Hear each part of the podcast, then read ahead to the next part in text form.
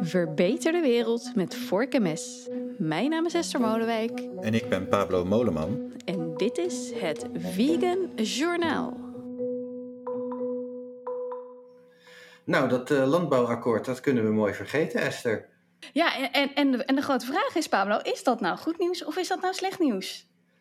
Ja, ik zou zeggen slecht nieuws. Uh, volgens mij was dit de enige kans dat er de komende tijd nog iets gaat gebeuren uh, op stik, stikstofvlak. Ja. En dat iets had ik al niet heel erg hoog ingeschat. Maar uh, ja, ik, ik, ik, zie, het is wel mooi dat, dat Adema nu heel, heel, heel stoer zegt van nou dan gaan we het zelf oplossen. maar ik denk niet dat het CDA dat aan gaat durven. Die, gaat, die hadden alleen nog een paar stapjes durven zetten als de LTO daarin mee was gegaan.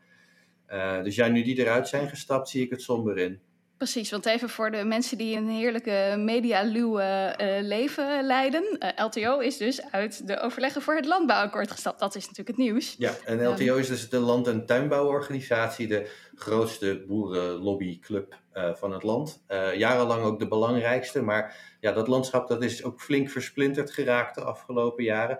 Wat misschien ook wel eraan bijgedragen heeft dat het, dat het mislukt is. Want het LTO heeft natuurlijk een stuk minder draagvlak met allerlei uh, radicalere clubjes die aan de zijlijn staan en die LTO ook niet, uh, niet steunen. En waar het precies op geklapt is, is niet helemaal duidelijk. Maar wat in ieder geval wel naar voren komt, is dat een van de heikele punten is dat die GVE-norm, dat aantal koeien dat er per hectare gehouden mag worden. Hè, wilde, de overheid die wilde daar een maximum voor stellen en dat wil LTO pertinent niet.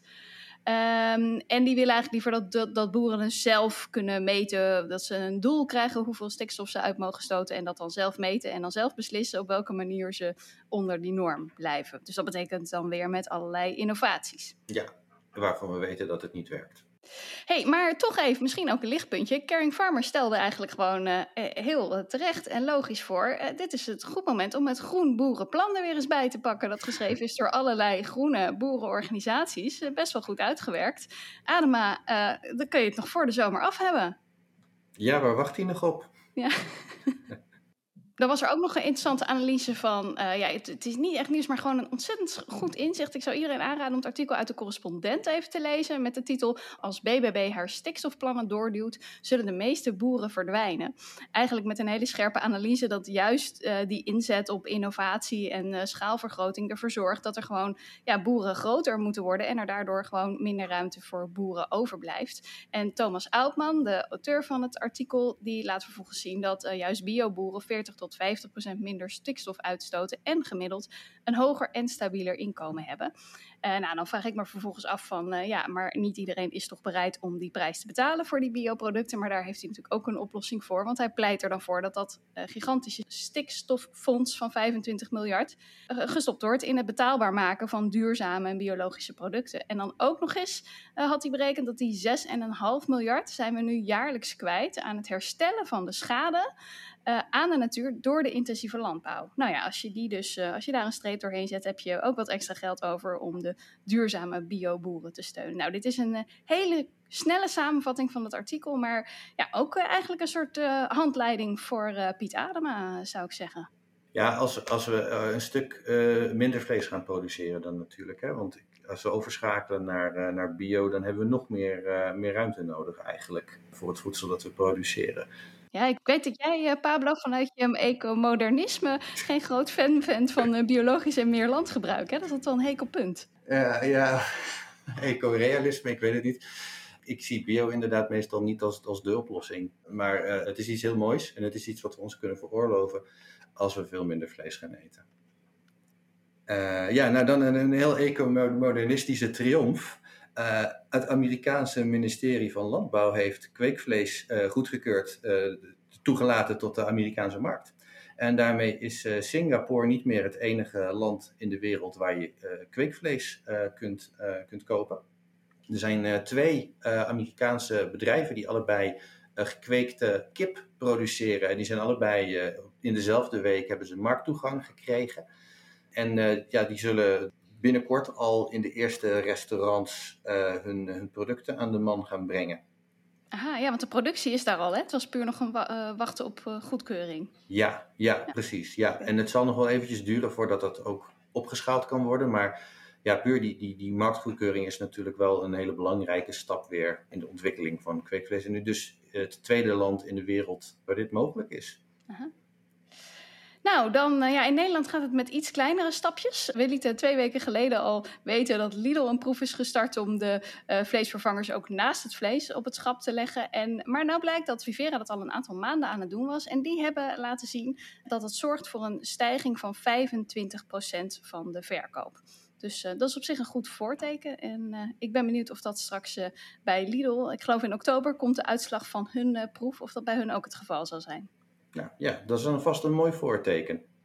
Dan hebben we ja, mijn favoriete restaurantje, Qualitaria. Ga je er ook wel eens naartoe? dat is een goeie. Nee, vrij zelden volgens mij. Ik ben nog aan het wachten tot de Qualitaria de vegan mayo op de kaart zet en dan, uh, dan kom ik. Nou, misschien kun je die binnenkort in Groningen gaan halen. Uh, want in Groningen gaat de Qualitaria, dat is dus een snackbarketen van ruim 135 vestigingen, een eerste vestiging openen van hun Vegetaria. En daar gaan ze alles vegetarisch aanbieden. En dat is wel gewoon hetzelfde als een ander snackbar assortiment. Dus uh, burgers, saté, kroket en nuggets. Dus ja, wat je verwacht van een snackbar, maar dan vegetarisch. Het is nog niet veganistisch, maar misschien moet jij daar even gaan lobbyen dat ze die mayo ook eens aan gaan pakken. Ik heb begrepen dat er vegan mayo zal zijn, maar dus voorlopig alleen in Groningen. Ah, oké. Ja, en wat ik me dan afvraag, is het nou, is het nou slim om één zo'n restaurantje te openen dat dan helemaal vegetarisch is? Of zou het niet veel slimmer zijn in, om in die 135 vestigingen waar iedereen naar binnen loopt, uh, gewoon de vegetarische opties wat harder te promoten? Ja, ja, dat lijkt mij ook. Um, het is natuurlijk niet per se of-of. het kan ook en-en zijn. En ik, ik heb het idee dat ze misschien ook dit wel doen om het water een beetje te testen uh, voor de rest van hun, uh, hun, hun, keten. Groningen is natuurlijk ja, een, een echte studentenstad en ja, behoorlijk progressieve stad. dus als het ergens moet lukken, dan, dan hier. En uh, het is natuurlijk vaker, uh, vaker geprobeerd uh, om een volledig vegetarische snackbar neer te zetten. Hè. In Den Haag hebben we er ook eentje gehad. En met wisselend succes. Die, die in Den Haag heeft het wel heel wat jaartjes uitgehouden volgens mij. Maar uiteindelijk dus niet. Maar uiteindelijk niet, nee. Nee, misschien is het toch ook wel tijd voor gewoon wat meer het integreren in het gewone aanbod. In plaats van die hele specifieke vegetarische locatie. Ja, ik denk het wel. Ja. En, en, en waarom eigenlijk nog een vleeskroket op de kaart? Zet gewoon een een kroket op de kaart. En ik, ik, denk niet dat mensen het verschil proeven. Dat hebben ze in uh, Blijdorp wel bewezen. Nou Esther, dan moeten we het nu hebben over de, de grote kloof. Ben jij er al ingetuind? Uh, ben ik er al ingetuind? Nee, ik stop het precies bij het randje. Ah, oké. Okay, ja. ja. maar welke kloof bedoel je? Ik, ik heb het natuurlijk over de kloof waar iedereen het over heeft. Uh, namelijk de kloof tussen stad en platteland. Oeh, ja, dat is, een spannende. Ja, ja, ja zeker. Uh, sinds de provinciale statenverkiezingen is dat natuurlijk een, een hot topic. En uh, twee onderzoekers uh, die hebben daar een mooi stuk voor, over geschreven voor de correspondent. Ze hebben namelijk uitgebreid onderzoek gedaan naar die kloof in opdracht van het Sociaal Cultureel Planbureau. En ze hebben een heleboel statistieken van onder andere het CBS bekeken. En ze kwamen tot een opzienbarende ontdekking over die kloof. Namelijk dat die niet bestaat. Oh, dus ik kan toch dat randje over? Ja, ja. Ik vind het zo spannend elke keer. Sta ik, sta ik op de rand van de A10 en denk ik, oeh, durf ik het nou wel aan of niet? Ja, je kunt gerust verder rijden. Het kan wel zijn dat je een paar omgekeerde vlaggen ziet hangen daarna. Maar uh, daar is er dan ook eigenlijk alles mee gezegd. Oh, echt? Het is gewoon een beetje overtrokken? Het is een beetje overtrokken, ja. Uh, er zijn wel verschillen, uh, maar die verschillen die zijn eigenlijk allemaal te verklaren door andere factoren.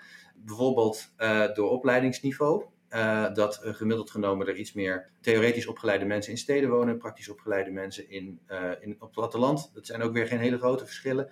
Maar ja, als die mensen met die theoretische scholing allemaal op één plek zitten en die mensen met de praktische scholing op een andere plek, dan is er maar, dus wel degelijk een. Maar dat is dus niet zo. Het is dus niet oh. zo zwart-wit van iedereen zit hier of iedereen zit daar. er zijn kleine verschillen en die leiden tot ja, andere kleine verschillen, zeg maar. En die worden dus eigenlijk in de media flink, flink uitvergroot. Uh, soms wellicht bewust, om politieke redenen, soms ook onbewust. Uh, er werd ook ingegaan bijvoorbeeld op uh, de kaartjes die heel vaak in de media worden getoond van bijvoorbeeld verkiezingsuitslagen.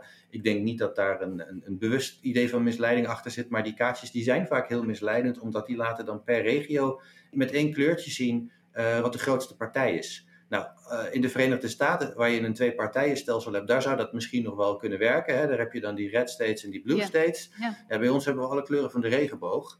En in, in veruit de meeste regio's is er geen enkele partij die boven de 30% uitkomt of zo. Dus als zo'n um, als zo'n vakje dan, uh, dan, dan rood gekleurd is voor de PvdA of, of lichtgroen voor de BBB, dan zie je eigenlijk ja, welke partij daar de minst kleine partij is, zeg maar. Ja, en dat, en dat lijkt dan opeens heel stellig, alsof die hele provincie die kleur heeft. Ja, precies. Ja, ja, ja. ja, En nou ja, wat ze ook zeggen is van, die kloof die, die bestaat niet, tenzij je het er steeds over hebt. Dus er zit wel een risico in um, dat door de hele tijd die verschillen maar te benadrukken, dat je ze wel, uh, wel gaat creëren. En dat je eigenlijk uh, ja, ook, ook een publieke beeldvorming creëert die nogal afwijkt van de werkelijkheid. Misschien wel leuk om te noemen ook, we hebben, met Proveg hebben we zelf uh, ook onderzoek gedaan naar de kloof tussen stad en platteland, een jaartje geleden. En dat ging dan specifiek over wat mensen vinden van de eiwittransitie. En daar, tot mijn eigen verbazing, merkten we eigenlijk hetzelfde. Um, dat het niet zo heel erg veel uitmaakt of je in de stad woont of op het platteland. Dat uh, eigenlijk overal een meerderheid van de mensen uh, van mening is dat het best wel wat minder kan met die vleesconsumptie. Nou ja, als je de, uh, de gemiddelde krant openslaat, dan krijg je toch een, een heel ander beeld. Zullen we dan bij deze beloven dat wij het in het Vingersjournaal nooit meer over de kloof tussen stad en platteland gaan hebben? Ja, laten we dat, dat doen. En als we het toch doen, dan mogen de luisteraars ons daar op, op, afstraffen. En iedereen kan dus als takeaway hiervan meenemen dat iedereen die, stad, die in de stad woont met een gerust hart bij de boer kan gaan kamperen deze zomer. En iedereen die op het platteland woont met een gerust hart een stedentripje kan gaan maken. Was dat hem alweer? Ik ben door mijn nieuws heen. Ja, het lijkt ja. al alsof de, alsof de komkommertijd al begonnen is. Ja, inderdaad zeg, ja. Extra kort dit keer, ter compensatie van vorige keer. Nou, tot over twee weken.